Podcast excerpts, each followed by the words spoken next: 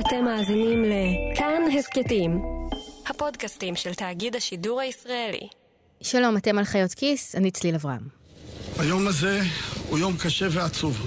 היום הודעתי לבאי כוחו של ראש הממשלה, מר בנימין נתניהו, על החלטתי להעמידו לדין בכתב אישום הכולל שלושה אישומים.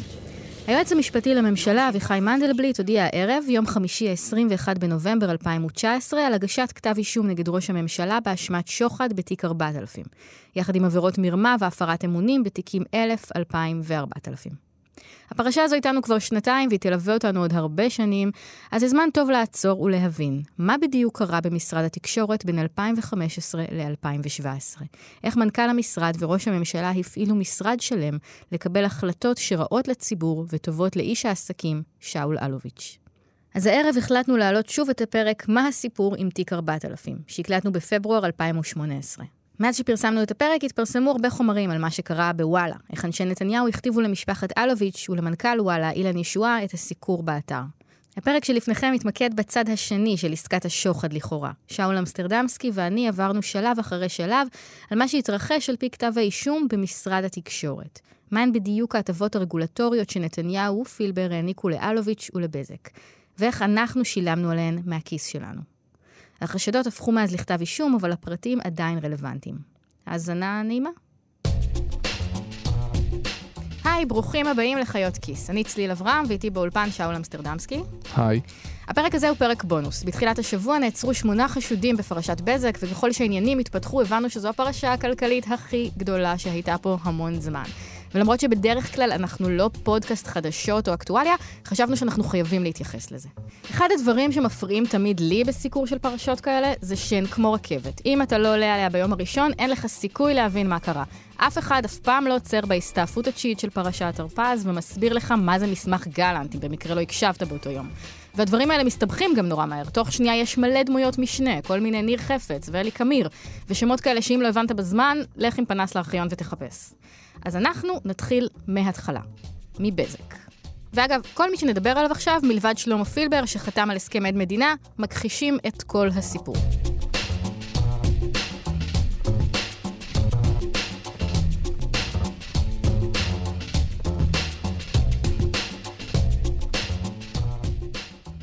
נראה שבזק הייתה קיימת תמיד, אבל היא הוקמה ב-1980 כחברה ממשלתית, כדי שהיא תיתן את שירותי התקשורת במקום משרד התקשורת בעצמו, שכונה אז משרד הדואר, והוא לא עשה את זה כל כך טוב. במהפכת התקשורת של שנות ה-90, בזק הקימה תחתיה חברות בת שהשתלבו במהפכה הזאת, פלאפון, וואלה, יס, בזק בינלאומי, והיא הייתה חברה ממשלתית עד 2005. רק אז היא הופרטה והפכה מחברה ממשלתית לחברה ציבורית. אני בטוחה שיש אנשים שצריכים שנסגור להם שנייה את הפינה הזאת, מה ההבדל? זה נורא מבלבל, אוקיי. חברה ציבורית זו חברה שנסחרת בבורסה. ולמה קוראים לה ציבורית? כי הציבור הוא שותף בחברה. זאת אומרת, מה שאנשים בעצם קוראים בלשון הדיבור חברה פרטית. Mm-hmm, רק שהיא לא פה, זה, זה ניואנס נורא נורא חשוב, לקח לי הרבה זמן, הרבה שנים בכלכליסט להבין אותו. היא לא חברה פרטית של אלוביץ', הוא, היא, מה שנקרא, היא לא של אבא שלו, לא. הציבור שותף בחברה הזאת, ולכן הוא חייב בדיווח, ולכן יש דוחות כספיים פומביים שמתפרסמים, ולכן יש דירקטורים חיצוניים מטעם הציבור שיושבים, ולכן יש אספה כללית שמחליטה. היום בעל השליטה בבזק עדיין הוא שאול אלוביץ' עם ה-26% שלו, זה לא יישאר ככה עוד הרבה זמן, ויתר המניות של בזק מוחזקות, מה שנקרא על ידי הציבור, שזה קרנות הפנסיה שלנו, וכל מיני בכלל קרנות השקעה זרות מחו"ל. זאת אומרת, אנחנו הבעלים של בזק. כן. כל הטיעונים מסוג הוא איש עסקים, מה אתם מתערבים לו, לא, לא, יכול, לא יכולים לעבוד פה. ממש לא. אוקיי. כשמפריטים חברה ממשלתית כל כך גדולה, ברור תמיד שהיא תהפוך למונופול פרטי, זה פשוט ישתכפל ממונופול של הממשלה למונופול של איזשהו איש עסקים, לא? בזק בהרבה מאוד שנים, גם אחרי שהופרטה, הייתה מונופול, מונופול מוכרז בכל מיני תחומים, למשל, בעיקר בתחום הטלפוניה הקווית, אוקיי? שמשם התחילה הפעילות שלה. וכשאני אומר מהטלפוניה הקווית, אני מתכוון גם למה שזה משמש גם לתשתית האינטרנט. זה, אה, זה מנוע הרווח העיקרי שלה, יותר משני מיליארד שקלים קווי? בשנה. למי יש טלפון קווי? לכמעט מחצית מהבתים בישראל ולרוב המגזר העסקי. ובגלל שהיא הייתה כזו, היו שני דברים. אחד, היו עליה המון המון מגבלות, בעיקר של מחיר. ושל שירותים שהיא יכולה לתת, לכן היא לא יכולה לתת עד היום triple. אה, והיו מצד שני הגנות ינוקה, מה שנקרא, למתחרות שלה, בשביל שהמתחרות שלה יוכלו להתרומם, בעיקר הוט בהתחלה כחברת תשתית, אבל חברות נוספות. אה, והמטרה היא שבאיזשהו שלב השוק יגיע לנקודה כזו שבזק כבר לא תאבד אה, נתחי שוק. החברות הפרטיות, אלה שנולדו נולדו פרטיות מלכתחילה, יהיו משמעותיות מספיק, ואז יוסרו המגבלות ותהיה תחרות כוללת, הכל. זאת אומרת, ההפרטה לא הספיקה פה כדי שתהיה תחרות והמחירים ירדו. הייתה הפרטה, עדיין נשאר מונופול עצום עם המון המון כוח, mm-hmm. ומ-2005 אה, מתחילות כל מיני רפורמות כדי שמישהו יוכל בכלל להתחיל להתחרות בענק הזה. נכון, ובגלל שבזק פועלת בהרבה תחומים, אלה, אל הרבה רפורמות בהרבה תחומים. זאת אומרת, גם רפורמת הסלולר של כחלון, שאנחנו זוכרים, מ-2012, גם היא איכשהו קשורה לבזק, כי בזק היא פלאפון בתוך הסיפור הזה. אז זה הרבה הרבה רפורמות כאלה בטלפוניה הקווית, ובאינטרנט, אה, ובטלוויזיה הרב-ערוצית, הרבה מאוד כאלה, והן ממשיכות כל הזמן. ועדיין עם מונופול. בתחום הטלפוניה הקווית. 13 שנה אחרי שהופרטה, כן. Mm-hmm.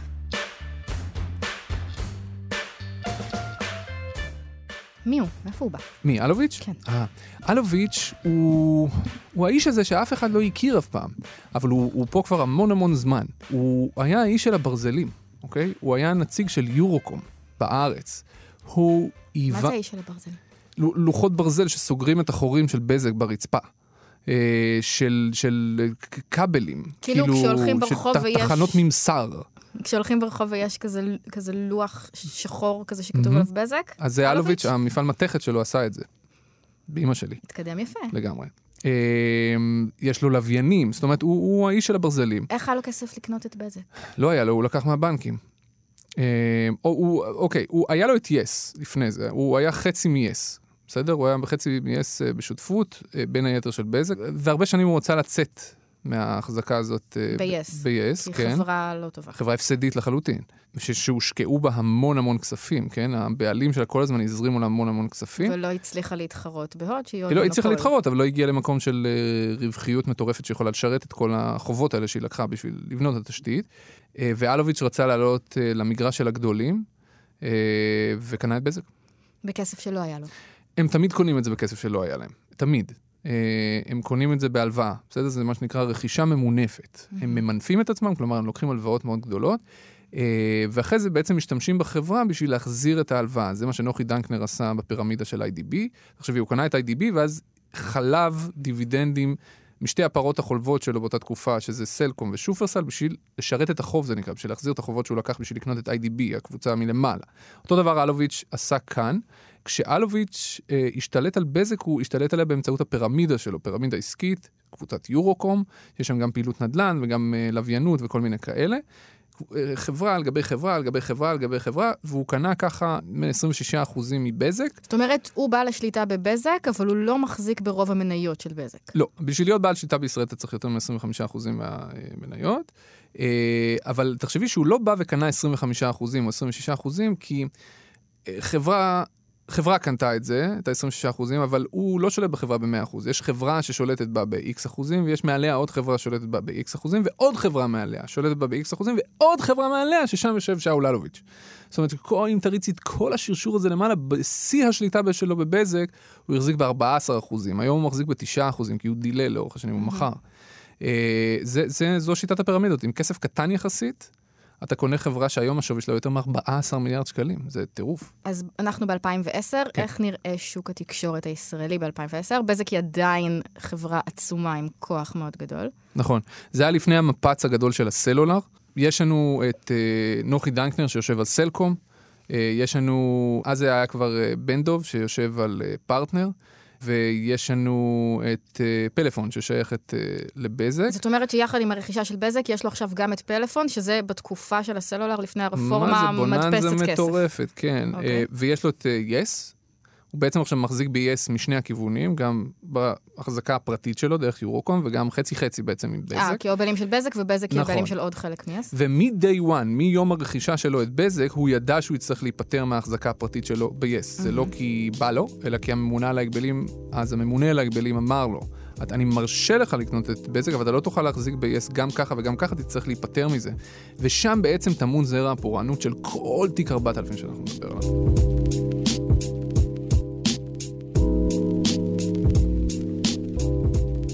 מה קורה משם עד 2015, ששם מתחילה הפרשה הזאת בעצם? אוקיי, okay, אז האירוע הכי גדול הוא בעצם מה שקורה ב-2012. אה, רפורמת הסלולר של כחלון, שעושה כל מיני דברים, בעיקר מכניסה אה, שחקנים חדשים לשוק, את גולן ואת הוט uh, מובייל. וכמעט בבת אחת, התעשייה הזו שהייתה תעשייה מטורפת, פשוט מתכווצת לחלוטין בשווי שלה. אה, מאות, אלפי עובדים אה, מפוטרים, החברות האלה נהיות חברות על גבול הקבצניות, ואל מול הקיטון המשמעותי הזה, בכוח שלהן, בזק נהיית מפלצת. עד כדי כך שבשנת 2015, אם לוקחים את כל הרווח המצרפי של כל ענף התקשורת באותה שנה, בזק לבד לקחה 96% ממנו. פשוט כי האחרות קטנו? כן. והיא פשוט עם כוח אדיר למולן. עכשיו, עוד משהו קורה מאז. אנחנו כבר לא מדברים רק על קבוצה שהיא עושה רק סלולר, או רק אינטרנט, או רק טלוויזיה. זה מה שהיה פעם, mm-hmm. זה כבר לא. Mm-hmm. כל חברת תקשורת מבינה שבשביל להיות קיימת בשנת 2018, כי הן מסתכלות קדימה, אתה צריך להיות גם וגם וגם וגם, ארבעה דברים. אתה צריך להיות טלוויזיה, אתה צריך להיות אינטרנט, אתה צריך להיות טלפון, אתה צריך להיות סלולר. שזה המצב שאנחנו נמצאים בו היום. אבל לבזק יש את כל אלה ב-2010. בדיוק.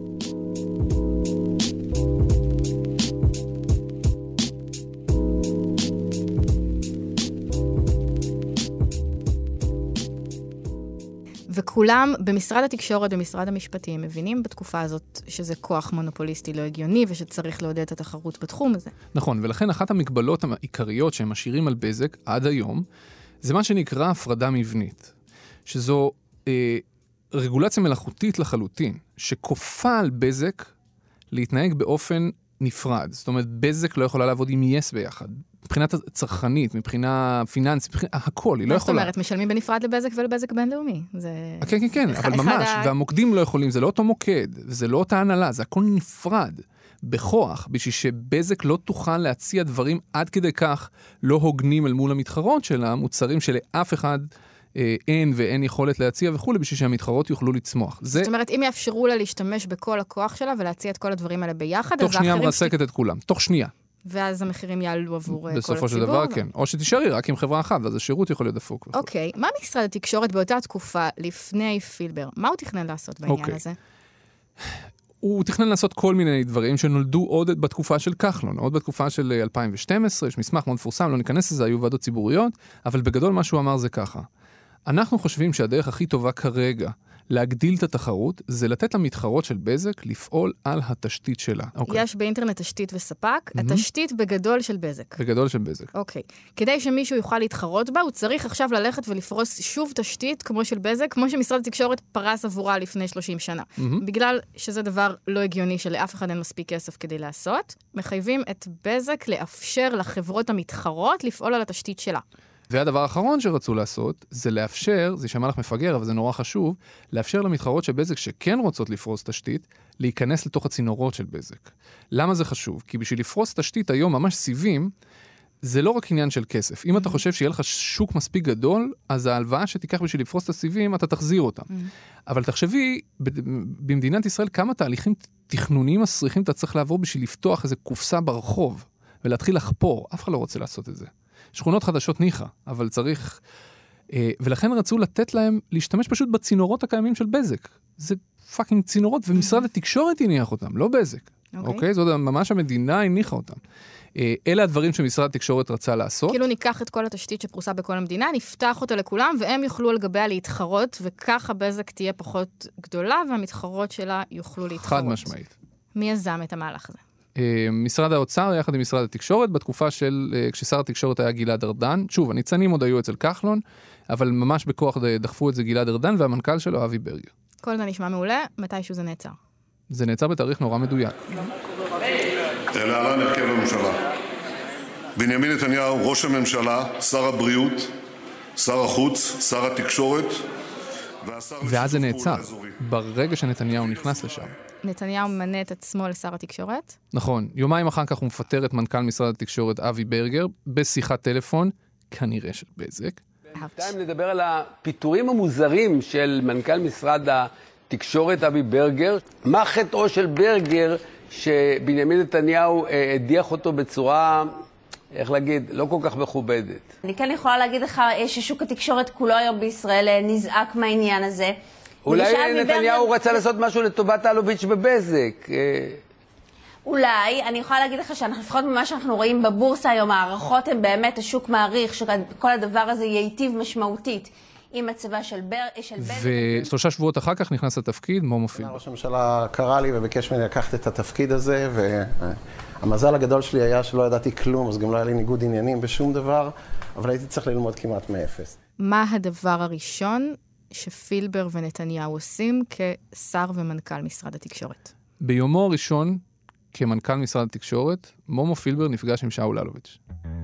במלון קראון פלאזה בירושלים, ככל שאני יודע. וכל הזמן הזה נתניהו בעצם חבר של אלוביץ'? נכון, מבלי שאנחנו יודעים את זה, כי התחקיר של גידי וייץ, שחשף את זה, יתפרסם רק באוקטובר 2015. מה שקורה אז זה שהשעון מתקתק. השעון של רשות ההגבלים העסקיים. כשאלוביץ' קנה את בזק, אמרתי לך שרשות ההגבלים אמרה לו, אתה חייב להיפטר מההחזקות שלך ב-yes. בסופו של דבר, אחרי הרבה מאוד זמן, בין היתר כי הוא לא מצא קונה, הוא הצליח לשכנע את רשות ההגבלים, זה קורה ב-2014, שבזק יכולה להתמזג עם יס. אוקיי? שזה הגיוני מבחינה עסקית, כלכלית וכולי. אוקיי, אז אנחנו נמצאים באמצע תהליך שנמשך כבר חמש שנים, שבו אמורים להכריח את בזק לאפשר למתחרות שלה אשכרה להתחרות בה, ופתאום, עכשיו מתחילים לקרות דברים הפוכים. נכון, מתחילים לקחת רוורס בעצם אה, מכל מיני רפורמות שגלעד ארדן ואבי ברגר קידם, ממש רוורס. אה, לעצור אותן, לעכב אותן, בהתחלה כאילו למסמס אותן, ואחר כך להודות, מומו פילבר אומר, אני לא רוצה את זה, אני רוצה משהו אחר. ובמקביל, זמן קצר מאוד אחרי שהוא נכנס אה, לתפקידו כמנכ"ל, אה, פילבר מאשר את המיזוג בין בזק ויס. היה שם דדליין מאוד מאוד ספציפי, נדמה לי זה 23 ביוני 2015, שזה הדדליין שרשות ההגבלים שמה, mm-hmm. ואיכשהו משרד התקשורת, באופן מפתיע, שהיום אנחנו מבינים למה זה היה ככה, ממש כינס את עצמו לתוך הדדליין. מרגע שחלפו הבחירות ופילבר מתמנה למנכ"ל, משרד התקשורת פועל בלחץ מטורף, אגב, בלחצים ממשרד ראש הממשלה, בשביל שהמיזוג הזה, בשביל שיינתן האישור למיזוג הזה, בזמן שרשות ההגבלים אה, הכתיבה. היום אנחנו יודעים שפילבר פעל במרץ בשביל להשיג את האישורים האלה, כולל לקחת איזו עבודת ייעוץ חיצונית של חברה שבחיים לא עסקה בטלקום, שעבדה בסוף שבוע, ומהר מהר מהר מהר, מהר לעשות את זה, ונתניהו חותם. חותם על המיזוג, וזה מה שאפשר בעצם לאלוביץ' להוציא את העסקה הגדולה לפועל. לבוא לבזק ולהגיד, אני מוכר לך את החברה. עכשיו בוא נעשה מת... משא ומתן על המחיר.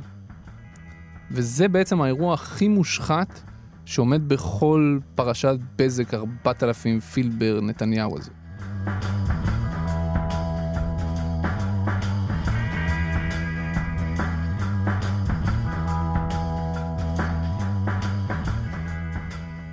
בעצם אלוביץ' מוכר את החלק שלו ב-yes לבזק, שבה הוא מחזיק חלק מהמניות. זאת אומרת, הוא מוכר השליטה. לעצמו. נכון. קוראים לזה עסקת בעלי עניין. אלוביץ' שולט בבזק, אבל הוא לא, הוא לא הבעלים של בזק באופן מלא, כי הציבור הוא בעצם בעל רוב המניות. לא יש רבע מהמניות, מהמם. לציבור יש את כל השאר, אבל הוא מחליט. נכון, כי הוא בעל השליטה. מהמם. עכשיו, מנגד יש את חברת יס. חברת יס היא שותפות של בזק, אוקיי? ושל שאול אלוביץ' באופן ישיר. שלא פרטי. נכון. אוקיי. עכשיו הוא רוצה למכור לבזק את החלק שלו ב-yes. כי הוא זה שמחליט, בזק תקנה את yes. אז אם הוא רוצה למכור חברה אחת שלו לחברה אחרת שהוא בעל השליטה בה, מה יוצא לו מזה? זה כסף שעובר מכיס לכיס. יוצא מזה המון המון כסף. איך? בוא נחשוב על זה. כשהוא מחזיק בבזק, הוא מחזיק 26% מהמניות. כלומר, על כל שקל שנכנס לקופה של בזק ומתגלגל למעלה והופך להיות ד- דיבידנד לבעלי המניות, הוא לוקח 26 אגורות. עכשיו, זה אפילו פחות מזה. כי בגלל שהוא מחזיק בפירמידה, פירמידה, פירמידה, האגורות שמגיעות אליו בסוף זה לא 26 אגורות, זה 14 אגורות. אוקיי. אוקיי? ולכן, הוא חושב על משהו אחר. אחרי שהוא חלב את כל הדיבידנדים האפשריים מבזק, הוא עשה את זה מהשנייה שהוא נכנס, הוא אומר, אוקיי, יש לי את ההחזקה שלי ב-yes. ב-yes אני מחזיק דרך החברה הפרטית שלי. שם כל שקל שנכנס לקופה הולך אליי. כל שקל. לא 26 אגורות, לא 14 אגורות. אז עדיף לי, עדיף לי, שהחלק שאני מחזיק בבזק, שהוא קטן יחסית, שהוא ישלם לי על yes. אנחנו הציבור קנינו מאלוביץ' את יס, כן, ומי שהחליט שאנחנו נעשה את זה, זה אלוביץ'. נכון. ולא רק זה, במחיר מופקע. זאת אומרת, שילמנו ממש הרבה כסף על חברה לא טובה, שמי שהחליט שנשלם את זה הוא בעל השליטה במניות שלה. והיום מה שמתברר. והיום מה שמתברר, שכל הדבר הזה נעשה באופן מאוד מושחת, מושחת עד העצם. בגלל ניגוד העניינים המופרע שיש פה, תחשבי, כשבזק באה לעשות משא ומתן עם יורוקום, אז מי עושה משא ומתן? זה אלוביץ' עושה משא ומתן עם אלוביץ'. ממש ככה. אשכרה היה צריך לקבוע מה המחיר, מישהו היה צריך לעשות משא ומתן על המחיר. עכשיו, החברה לא יכולה לעשות משא ומתן כשאלוביץ' עושה משא ומתן עם אלוביץ', זה ברור שהוא ייקח מחיר מופקע מהחברה. הוא יש לו אינטרס להעביר כמה שיותר כסף מבזק ליורוקום, כמה שיותר. כמה שיותר, לחלוב את בזק עד הסוף. בסדר? בזק כחברה היא חברה ציבורית, היא לא חברה של אבא שלו. ולכן לבזק כחברה יש אינטרס שזה לא יקרה. רק שהיום אנחנו יודעים שכל המנגנונים שהיו אמורים למנוע השחתה, קרסו. הייתה ועדה בלתי תלויה של הדירקטוריון, מסתבר שאלוביץ', דרך אה, יד ימינו בחברה, צוטט לישיבות שם, הוציא משם מידע במרמה, הפעיל את המנכ"לית במרמה, הפעיל את המנכ"ל של יס במרמה, שיחקו עם המספרים, בנו עסקה מושחתת במיליארד שקל, כשאנשים חיצוניים העריכו את השווי של יס ב-200 מיליון שקל, זאת אומרת פער של פי חמישה, דברים מופרעים לחלוטין, בסדר? כל האנשים האלה פעלו נגד האינטרס של רוב בעלי המניות, כן, שזה הציבור, כן. ובעד האינטרס של אלוביץ', כדי להעביר כסף מהציבור לאלוביץ'. נכון, כי מנכ"ל, מנכ"ל יס קיבל בונוס וכולי וכולי וכולי. כשזה קרה, העיתונות כאילו שמה כתבה לב את לזה? הכל בזמן אמת, דיווחה הכל, גם דה מרקר, גם כלכליסט, גם גלובס, בעיקר גלובס אגב, הכל מההתחלה ועד הסוף. ו? והכלבים נבחו והשיירה עברה.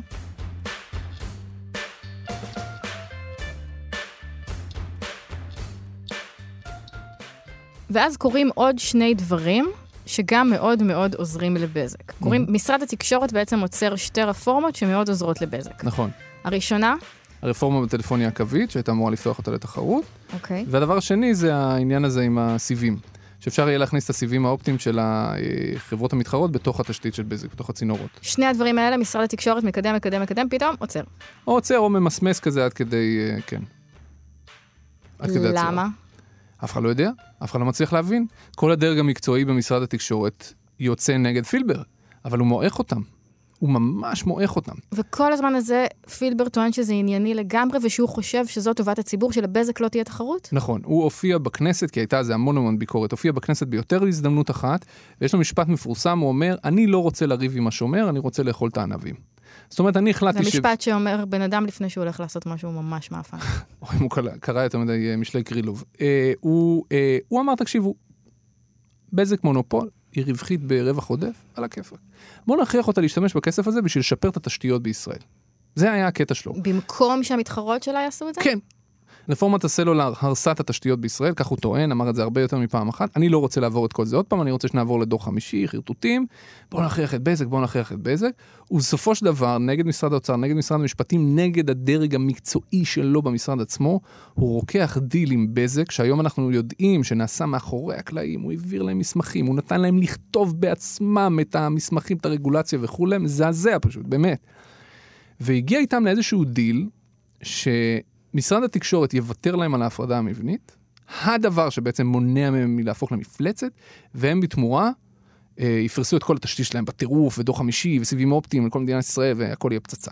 זה המכתב. זה המכתב. אז שנייה, בוא נסכם רגע. אמ, מנכ"ל משרד התקשורת עוצר או ממסמס רפורמות שהיו אמורות ליצור תחרות מול בזק, ובעצם לגרום לזה שלכולנו יהיה אינטרנט יותר מהיר ומחירים יותר טובים. כולנו שילמנו יותר בגלל מומו פילבר. איפה שר התקשורת פה? שר התקשורת הוא אה, ראש הממשלה בנימין נתניהו, חברו הקרוב של שאול אלוביץ', עד ליוני, נדמה לי, 2016. רק אז נזכר היועץ המשפטי, בעקבות התחקיר ההוא של גידי וייץ, להגיד לראש הממשלה, אדוני נתניהו, אתה לא יכול לעסוק בזה יותר. אתה חבר שלו. אז כל הזמן הזה הוא נותן לזה גיבוי. כן. אוקיי, אז דיברנו על ארבעה דברים שפילבר כמנכ"ל משרד התקשורת עשה כדי לעזור לבזק, ובעצם דפקו אותנו כציבור. מהמם. מה יוצא לו מזה? למה שהוא יעשה את זה? דה פילבר? אין לי צל של מושג, וזה נמצא אה, בידיים של המשטרה כרגע. אה, זה כבר להיכנס לנפשו של אדם. יכול להיות שנתניהו הבטיח לו, אתה תהיה מנכ"ל משרד ראש הממשלה פעם, או אני אסדר לך להיות, אין לי מושג מה. אני אשאל את זה אחרת. מה אלוביץ' נותן בתמורה? אוקיי. בזמן שנתניהו ופילבר מטים את הרגולציה לכיוונה של בזק, לכיוונו של אלוביץ', אלוביץ' מטה את הסיקור בוואלה, ששייכת לבזק, לטובתו של נתניהו. זה מה שהמשטרה חושדת. וזה בעצם תיק 4000. זה תיק 4000. פילבר מונע תחרות מבזק, ובתמורה וואלה ששייכת לבזק נותנת סיקור אוהד למשפחת נתניהו. מטה את הסיקור. זה צד אחד וזה הצד השני. יפ. נראה לי שסיימנו. לאן כל הדבר הזה הולך עכשיו?